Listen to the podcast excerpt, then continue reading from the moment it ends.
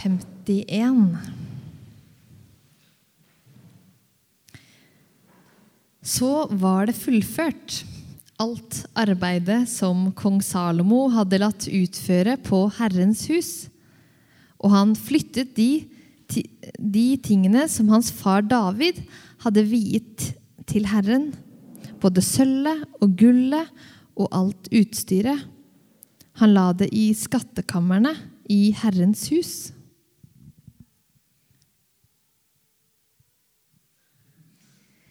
Paktkisten blir satt på plass.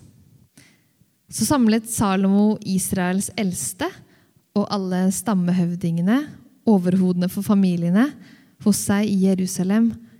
De skulle føre Herrens paktkiste opp fra Davidsbyen, det er Sion. Og alle menn i Israel samlet seg for, hos kong Salomo på festen i måneden Etanim. Det er den sjuende måneden.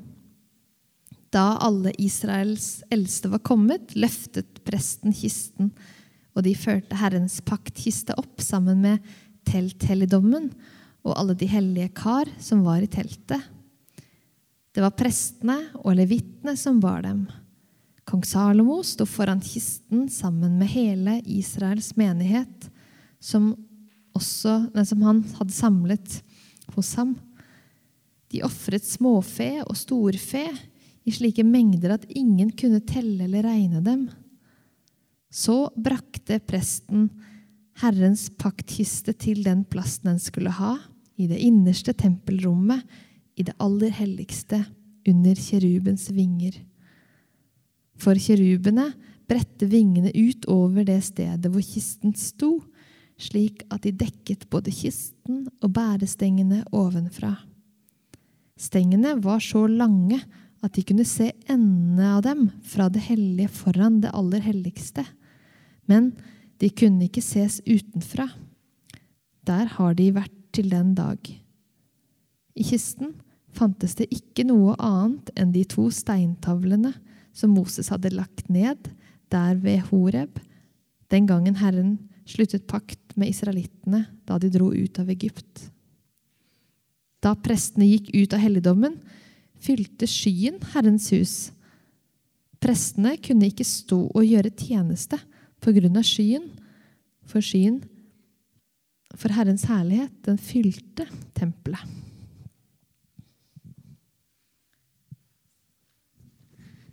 Takk skal du ha. Eh, den teksten dere hørte nå, er masse detaljer. Noe av det viktigste er den første setninga, som var at tempelet var bygd ferdig. Og den siste setninga dere hørte om at Herrens herlighet fylte tempelet. Eh, dette er jo noe som skjedde 1000 år før Kristus, altså 3000 år siden. Eh, tempelet i Jerusalem ble bygd. Et bygg som ble stående i ca. 400 år. Som var et samlingspunkt for alle som tilba Israels gud, verdens skaper. Et sted der de kunne komme sammen for å tilbe, for å få tilgivelse, for å be om hjelp, for å søke veiledning i livet. Og nå er vi her i et helt annet bygg, mye mindre bygg. Eh, et kirkebygg, eller et misjonshus, som det heter da det ble oppført, som, som ble bygga i 1893, og som fortsatt står den dag i dag, og er i bruk den dag i dag, bl.a. pga. innsatsen til mange av dere som er her inne.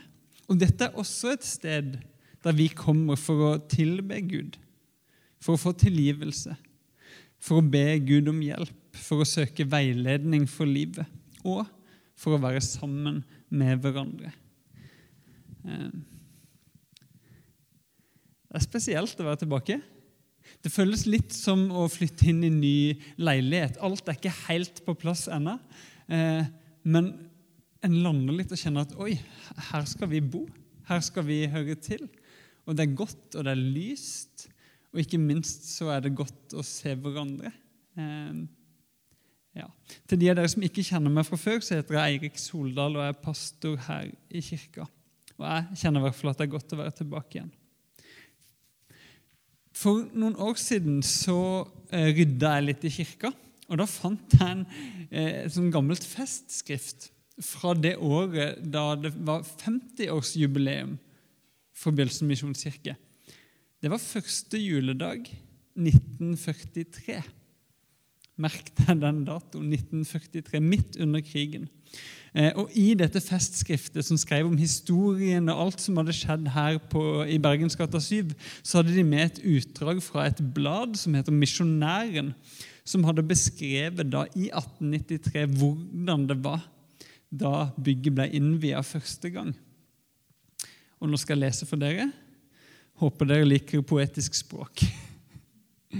Fire kilometer fra Kristiania i et strøk hvor flere fabrikker har trukket mange folk sammen, og hvor ferdselen som følge herav er meget livlig, ligger Bjølsen lye lokaler, oppført av Kristiania Frie Misjonsforening.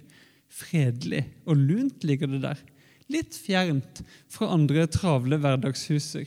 Fritt og dristig hever det seg mot himmelen, og hjemlig synes den lille trapp å byde velkommen. Hold dere fast, nå blir det mer poetisk, mer pompøst, om åssen det var da bygget ble tatt i bruk. Møtene holdtes snart regelmessig, folk strømmet til, sjeler frelstes, og snart sto her en blomstrende forsamling. Riktig en liten Herrens vingård, hegnet av salighetsmure, bedugget av himmelens regn, oppvarmet av nådens sol og beskjæret av vingårdens herre har denne plantning slått dype røtter og bredt sine grener vidt ut. Eh, videre i dette festskriftet så kan du lese om hvordan dette her bygget er blitt utvikla og holdt ved like. Du kan lese om da de fikk innlagt vann og slapp å gå rundt til naboene for å spørre om vann til kaffen. Eller da de bytta ut parafin med elektrisk lys. Eh, det er mange som har gjort en innsats for at dette her bygget skal bestå, og at det skal kunne brukes til å søke Jesus sammen. Hvis vi i dag skulle skrevet en, et festskrift altså det er jo I fjor skulle vi i tilfelle gjort det, for da er det 130-årsjubileum. Men si at vi skulle feire 131-årsjubileum og skulle skrive en festskrift om Bjølsen misjonshus, eller dette kirkebygget. Da er det flere ting vi kunne lagt til. F.eks. kunne vi skrevet om på 80-tallet, da dette her scenerommet ble bygd ut. Før det så stoppa kirka her, og så var det galleri der oppe. Og Likevel så står det et sted i dette festskriftet at de har samla 300 stykker her inne. Jeg skjønner det ikke. Jeg tror det var barn, men eh, uansett, det er helt vilt. Eh, du kunne også lest historien om på 90-tallet da menigheten her tenkte, prøvde å omregulere bygget til bruk for menighetsbarnehage. Det ble det aldri noe av, men det er en av planene som har vært med bygget. Og Du kan lese om hvordan fellesskapet, menigheten her, egentlig forsvant mot slutten av 90-tallet. Sånn at det til slutt bare var folk på gamlehjem som, som var igjen i medlemslistene. Og hvordan en gjeng med unge folk starta opp menigheten på nytt, satt rundt bordene her og, og ba sammen, leste Bibelen og snakka om hva er det å være kirke. Og Det er jo det som har utvikla seg til det fellesskapet som vi er i dag. Vi kunne skrevet mer i dette festskriftet. F.eks. om da vi i 2017 fikk en stor arv fra et tidligere medlem, Karin Marie Borgestad, på flere millioner som gjorde at vi faktisk hadde midler til ikke bare redde bygget, men sette det i skikkelig god stand. En kunne lest om arbeidet vi har gjort med disse pengene. Hvordan vi for noen år siden bytta tak, malte eh, utsiden av veggene, fiksa utsida, redda bygget og gjorde det fint for naboene. Og vi kunne lest om det vi har vært med på de siste månedene. En kunne skrevet i festskrift om hvordan vi fant fram til farger på interiøret som, som, stemte overens med hva som var populært da kirka ble, bygd, kirka ble bygd. Vi kunne skrevet om denne varmen vi kjenner på nå, at vi har fått bergvarme. Snart er også vifteanlegget i gang. Eh, og hvordan det har et, blitt et godt bygg å bo i, som er bærekraftig både for vår regning og for miljøet. En kunne skrevet om, om hvordan vi nå har tilrettelagt for rullestol og barnevogner på vei inn. Eh, og hun kunne skrevet om oss, fellesskapet, som kom seg gjennom utallige dugnadstimer, både i planlegging og gjennomføring, om hvordan vi feira gudstjenester i hjemmene, og en dag i et nesten ferdig bygg var tilbake. Vi kunne skrevet om en periode med, med svette og tårer, med latter og glede og fellesskap. En periode med bekymringer, frustrasjon, forventing og venting og venting. Og nå er vi her, dere. Nå er vi her. Jeg vet ikke åssen hver enkelt av dere har det. Nå kan vi være slitne. Vi kan være glade. Kanskje vi går og lurer på hva som kommer til å skje videre. Hva, hva vil skje med oss? Hvordan utvikler Kirka seg? Hvilke nye mennesker blir med? Hvem kommer til å takke for seg? Og Hvordan ser menigheten vår ut om ett år, om fem år, om ti år? Hva er det da å skrive om? Bare Gud vet det, og tida vil vise. Men nå er vi her. Nå er det nå. Vi er i kirka. Egentlig så er vi ikke i kirka. Egentlig så, så er vi kirka. For kirka det er ikke et bygg. Kirka det er de menneskene som samles rundt Jesus. Og det er det viktigste. I det lille festskriftet for Bjølsen misjonshus fra 1943 så, så, står det til slutt noen ord om det fellesskapet, som ikke bare var de som var der akkurat da, men, men på en måte det fellesskapet som strekker seg gjennom historien i dette her bygget. Og Jeg tenkte det kunne være til oppmuntring for oss i dag også, så jeg leser det før vi kommer inn på bibelteksten igjen. Det står, det er Rolf Hageberg som skriver dette her. Vi vil gi Gud ære for all nåde og miskunnhet mot oss i de svunne år. Vi vil også takke ham for de mange som på dette sted har funnet fram til frelsen i Jesus Kristus. Det har jo mange ganger sett mørkt ut for Guds menighet på jorden. Også vår lille venneflokk har erfaret at ondskapens makter har løpet storm mot denne gren på vintreet som er Kristus. Altså Husk der jeg skrevet midt under krigen, midt under okkupasjonen. Så fortsetter det. Men lovet være Gud, menighetens Herre, har holdt sin beskyttende hånd over oss til i dag. Vi minnes også de gamle som har fullendt løpet. Vi takker de i dag for deres troskap mot sin Herre og Frelser måtte vi som er igjen, ta opp den hellige arv for å føre Guds rike videre. Det tenker jeg ord til oss i dag, vi som står på skuldrene til alle de som har vært før oss. Så skal vi si en amen til den bønnen. Jeg sier i hvert fall amen. La oss ta en pust i bakken. Så ber jeg en bønn før vi tar fatt på dagens bibeltekster. Gode Gud, takk for at du er er menighetens herre. Jesus, at du er, er, den som går foran. Det er din kirke, og vi får lov til å være med. Takk for at du gir hver enkelt av oss nåde, tilgivelse, nytt liv. Takk for at du har ført oss gjennom den tida vi har vært i nå, som har vært strevsom. Og takk for at du vil beskytte oss og trøste oss og gi oss liv og motivasjon videre. Takk for at vi får lov til å være med og ta arven videre med å føre Guds rike frem på jorda. Amen. Jeg kom på et sitat i dag morges. Noen av dere vet at jeg er sykemeldt for tida, så jeg har ikke så masse tid på å skrive, skrive undervisning. Pascal har en gang begynt et brev med å si jeg skulle gjerne skrevet kortere, men beklager, jeg hadde så dårlig tid. Og det er litt sånn i dag. Så jeg, jeg drar gjennom det her. Eh, trekk pusten, åpne opp og lufte hvis dere trenger det. Men jeg tror det jeg har å dele med dere, kan være interessant og, og altså, gode ord for oss eh, der vi er akkurat nå.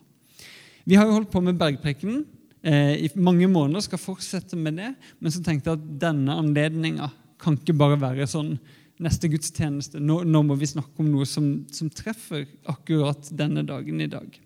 Og Jeg har fulgt en leseplan fra Bibelselskapet i det siste. Så har jeg kommet til første kongebok. Og I kapittel 5-9 omtrent så handler det om da dette tempelet ble bygd, og hvordan det ble planlagt gjennomført, og hvordan de flytta inn i dette tempelet, eller tok det i bruk. da. Og Dere fikk høre et utdrag fra kapittel 8 i stad. Men historien den begynner med at kong Salomo, kongen av Israel, han sender et brev til sin venn kong Hiram av Tyros, som er da på kysten av Libanon. De var altså venner, og Salomo skriver til han. Du vet at min far David ikke fikk bygd et hus for Herren sin Guds navn, fordi det var krig rundt ham på alle kanter, inntil Herren la fiendene under hans føtter. Men nå har Herren min Gud gitt meg fred omkring, rundt omkring. Det finnes ingen motstander og ingen truende fare mer. Derfor tenker jeg nå å bygge et hus for Herren min Guds navn, slik som Herren sa til min far David, din sønn, som jeg vil sette på tronen etter deg, han skal bygge huset for mitt navn. Så dette er altså historien om kong Salomo som fikk bygd Guds tempel i Jerusalem. Nå har ikke vi bygd noe tempel. Vi har pussa opp et misjonshus som vi bruker som vårt kirkebygg. Men jeg ser noen paralleller her likevel, selv om dette ikke er et tempel. Jeg skal ta dere gjennom tre ting som, som ligner i den teksten jeg har lest. Les den gjerne sjøl hvis dere vil det. Dere hørte i stad at det er mye detaljer, så det er litt jobb å komme seg gjennom, men spennende likevel. Første parallell jeg ser mellom bygging av tempelet og oppussing av Bjølsen misjonskirke, er det at et sånt prosjekt som er så stort, det gjør du ikke alene. Altså, dette er jo ikke egentlig historien om Salomo som bygde tempelet. Da hadde det kanskje vært én vegg, og så ferdig. Historien vi leser, begynner jo med at Salomo ber om hjelp. Han sender et brev til en venn som har ressurser, som har fagfolk, og så sier han hei, jeg vil bygge dette tempelet, nå må du bli med meg. Og det var jo ikke engang Salomo som hadde planlagt det. David, faren hans, hadde tidligere gjort mesteparten av planlegginga klar. Så for Salomo så var det bare å ta over og, og sette i gang prosjektet. Og Han gjør det som sagt ikke alene. Han tar inn fagfolk som sørger for at ting blir gjort riktig. Folk med teft for logistikk. Sørger for at arbeiderne var på plass, at materialene var der, eh, at verktøyene var der. Og så var det så klart massevis av folk som svetta og banka og løfta for å få satt opp tempelet. Og det er jo sånn her òg. I vårt prosjekt. Det er i alle fall ikke pastoren som har pussa opp dette kirkebygget alene. Han har vært med. Eh, og Jeg tør ikke helt å begynne å nevne navn, eh, fordi det er mange, men jeg kan si om noen grupper som har vært involvert her med å få pussa opp kirkebygget vårt. Det starter jo ikke med oss som er her inne. Det er noen som har gått før oss. Noen år før jeg ble pastor her i kirka, så var det en liten gruppe som kalte seg Vekst og bygg. Noen har flytta videre, noen er her fortsatt av de, som begynte å se på mulighetene for å utbedre bygget, legge til rette for at vi kunne ta imot flere mennesker her. Og Etter hvert så kom det altså denne arven. Det er et menneske som ga oss ressurser til å gå fra planer og ideer til faktisk kunne gjennomføre. Det har vært flere ledergrupper. Vi snakka i stad om at det snart er nyvalg. altså det er Den ene etter den andre lederen og styremedlemmer som har vært med og tenkt og budsjettert og grubla på hvordan det skal gjøres. Det er flere ansatte, flere pastorer. Eh, etter hvert så kom det på plass en byggekomité da vi nærma oss at nå kan vi faktisk gjøre det her. Og Da var det folk både innenfor kirka og utenfor kirka. Vi fikk engasjert en dyktig arkitekt, en strålende prosjektleder, en fargekonsulent som hadde skikkelig peiling og et stort engasjement for bygget vårt. Vi har hatt en egen estetikkgruppe som har sett på farger og materialer. Vi har hatt en kjøkkengruppe som har designa det og fått eh, leda bygginga av kjøkkenet. Vi har hatt en dugnadsgruppe som har dratt ting i gang organisert. Prosjektlederen vår har engasjert masse håndverkere som har gjort et grundig og godt arbeid. Jeg har vært og sett de sparkle og male her. Ingen centimeter er tilfeldig. Eh, og så er det dere og mange rundt dere. Det, det er så mange mennesker som har lagt ned dugnadstime etter dugnadstime. Både i planlegging og gjennomføring. Noen har hatt mer lyst og mulighet enn andre. Og det tenker jeg vi kan, skal anerkjenne. At vi må både applaudere de som har svetta mest, jobba mest, og respektere de som av ulike gode grunner har gjort mindre. Men uansett hvem som har gjort hva, så står vi her sammen nå. Og så skal vi være glad for at vi har fått hjelp av andre. På dugnadene våre har det dukka opp slektninger, venner, eh, folk fra andre misjonskirker, naboer som har bare fått med seg dugnad. Vi blir med. Eh, det er jo helt fantastisk. Og så har jeg og flere snakka med en, en, sånn opplevelse av at ja, men, ja, Gud har nå også vært med i det her. Leda oss, trukket i tråder, hjulpet oss å komme i kontakt med de rette folkene for at det her skulle skje. Og Nå er vi altså her og har gjort det her sammen. Vi har brukt tid og krefter. Vi er ikke helt i mål ennå, men det er ikke langt unna. Og det har vært mye arbeid. Og Det går jo an å begynne å spørre seg «Ah, er det verdt det.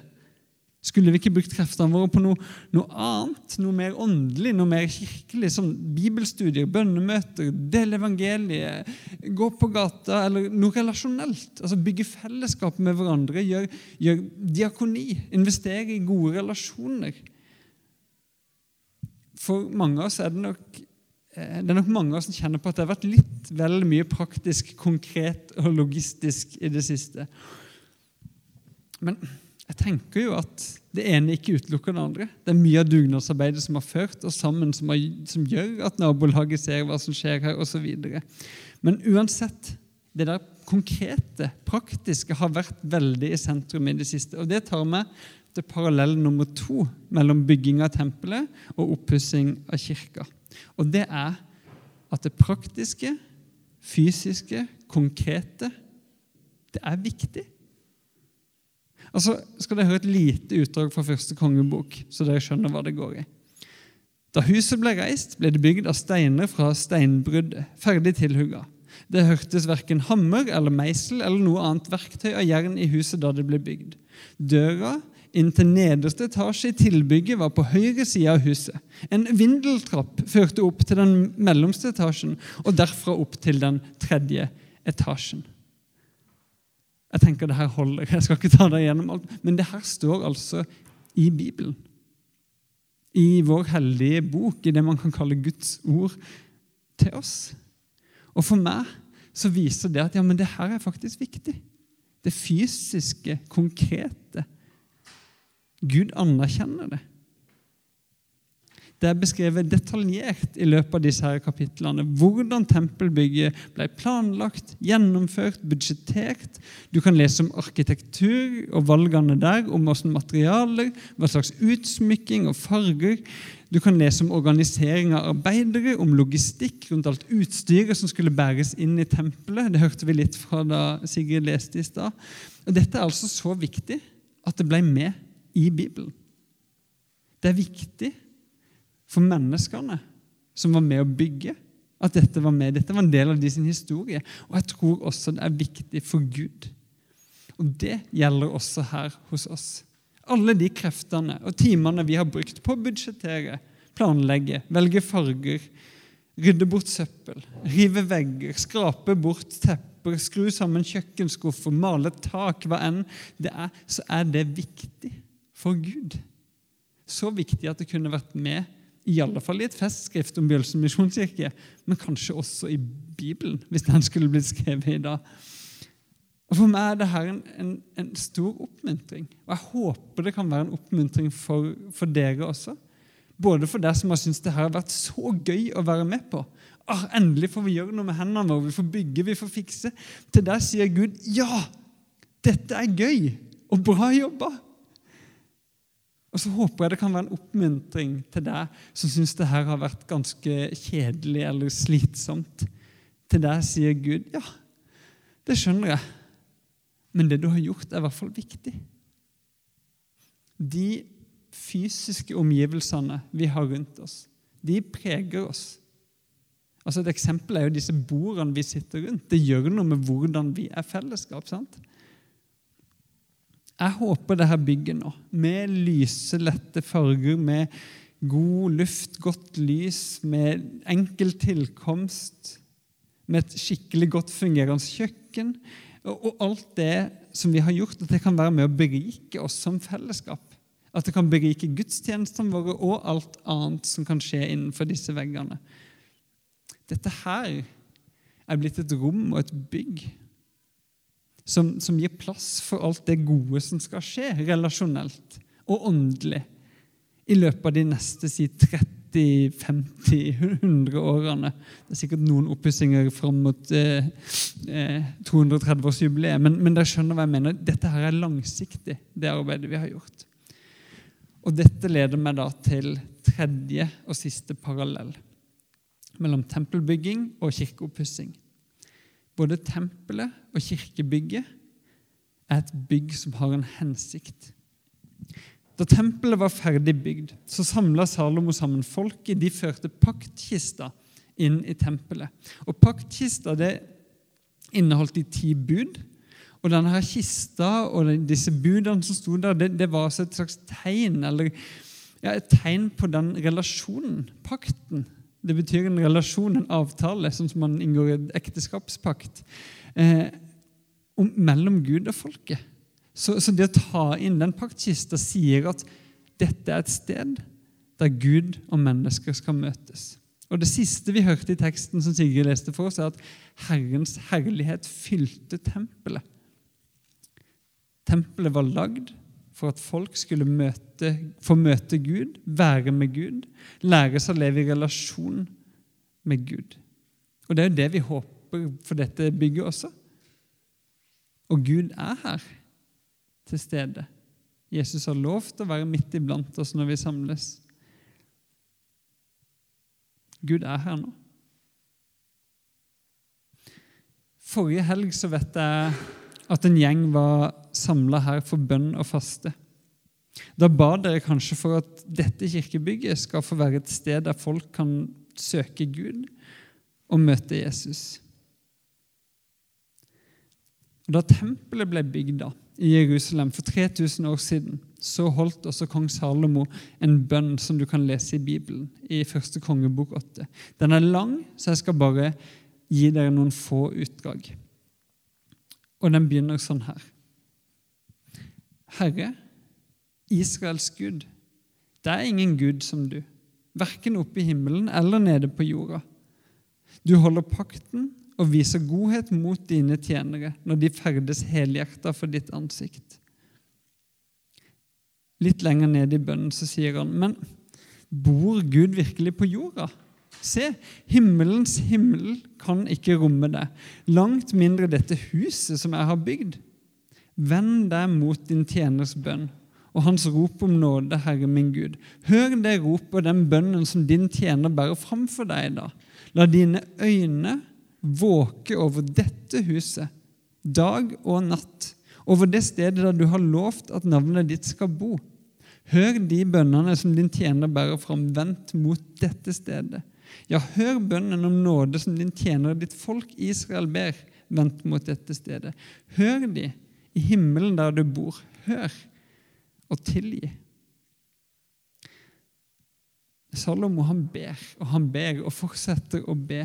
Og Etter hvert så konkretiserer han dette, her, den, dette ønsket, den bønnen om at Gud skal vende blikket sitt mot tempelet og folket som samles der. Han ber Gud om å tilgi folket når de vender seg mot tempelet for å be om nåde. Han ber Gud om å ta imot deres takkoffer, altså deres tilbedelse. Han ber om at Gud må ta imot deres bønner om hjelp når de er i trøbbel. Han ber om at Gud må, må veilede dem, bøye deres hjerter, sånn at de kan gå på hans veier og følge hans lover. Han ber om at folk fra andre folkeslag skal kunne komme til dette tempelet og finne Gud. Er det ikke omtrent akkurat det vi ønsker at skal skje her? At folk skal komme hit for å finne nåde, tilgivelse og frelse i Jesus. At vi sammen her kan tilbe Gud, løfte blikket og gi ham glede. At vi kan komme her for å lese i Bibelen, snakke med hverandre, søke Gud og få veiledning for hvordan vi skal leve. Og at nye mennesker skal kunne komme hit for å oppdage Jesus. Disse her kapitlene i første kongebok har lært meg at det er en del paralleller mellom bygge tempel og pusse opp et kirkebygg. For det første så er det ikke et soloprosjekt, det er noe man gjør sammen, og man trenger hjelp utenfra. For det andre så er det praktiske, konkrete, fysiske, verdifullt og viktig. Det betyr noe både for mennesker og for Gud at du har rydda søppel, eller malt kjøkkentak, eller skrudd sammen skuffer, eller planlagt og budsjettert. Og for det tredje så har arbeidet med dette gudshuset en hensikt, og hensikten er at vi og andre mennesker skal få en nærere relasjon med Gud. Det første tempelet i Jerusalem det ble stående i ca. 400 år, før det ble lagt i gus, satt i flammer. Dette kirkebygget har stått i 130 år, og vi håper det skal bli stående i mange, mange år videre. Litt fordi bygget har en verdi i seg sjøl. Vi kan ut fra dette arbeidet vårt gjøre som Gud gjorde da han skapte verden, nemlig å lene oss tilbake og si at ja, det er godt, dette vi har vært med på å lage. Men mer enn det så håper vi at dette bygget står lenge pga. hensikten med bygget, nemlig møtet mellom Gud og mennesker. Og Der har jeg sånn noen sider igjen, men jeg, jeg sparer det til en annen tale. Er det greit? Passer jeg unna deg, gjør det ikke det? Så to be continued. En eller annen gang i løpet av våren så holder jeg da en tale om at ingen bygning i verden kan erstatte tempelet som var i Jerusalem.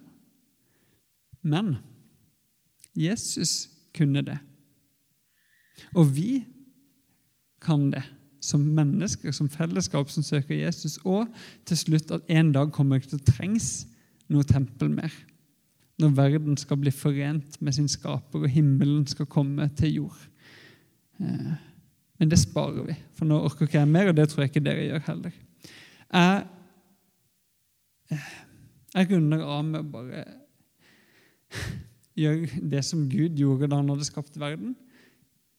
Hvile. Nå kan vi senke skuldrene. Ja, Vi har litt igjen å gjøre, men altså Pust ut. Vel blåst. Nå har vi jobba. Nå kan vi nyte. Nå kan vi ta imot fruktene av det arbeidet vi har gjort. Så avslutter jeg helt til slutt med å gjenta noen ord fra dette festskriftet fra 1943 som jeg syns passer til oss også i dag. Lovet være Gud menighetens herre har holdt sin beskyttende hånd over oss til i dag. Vi minnes også de gamle som har fullendt løpet, eller i Bjølsens sammenheng de som har flytta videre, for det gjør vi hele tida her. Vi takker de for deres troskap mot sin Herre og Frelser. Må vi, som er igjen, ta opp den hellige arv og føre Guds rike videre. Amen.